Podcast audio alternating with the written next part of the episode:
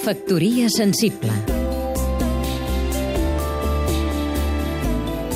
Núria Amat, escriptora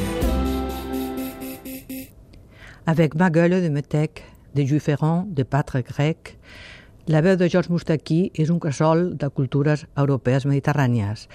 Egipte, Grècia, Itàlia, França i altres països que ja anirà adoptant en el seu recorregut vital ompliran la seva música.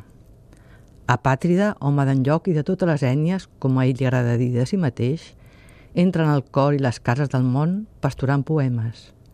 En el nostre país petit serà festejat com un àngel de terra estranya. La seva vida i la seva lluita personal quedaran reflectides en totes les seves cançons.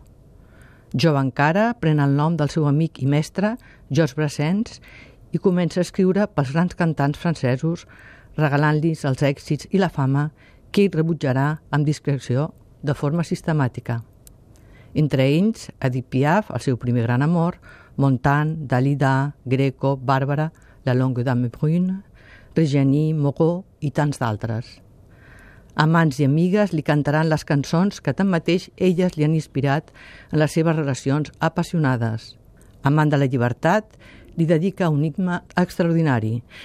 La seva vida és una biografia musical, el seu pensament una revolució permanent encesa al maig del 68.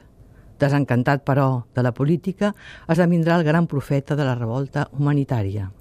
Amb la seva veu dolça i masculina arribarà a tocar les sensibilitats més diverses. Mor tot sol a Nissa amb l'única companyia de la seva cançó premonitòria, Ma solitude. A qui li avisa, tu seràs a l'últim jorn ma darrera companya. Factoria sensible. Seguim-nos també a catradio.cat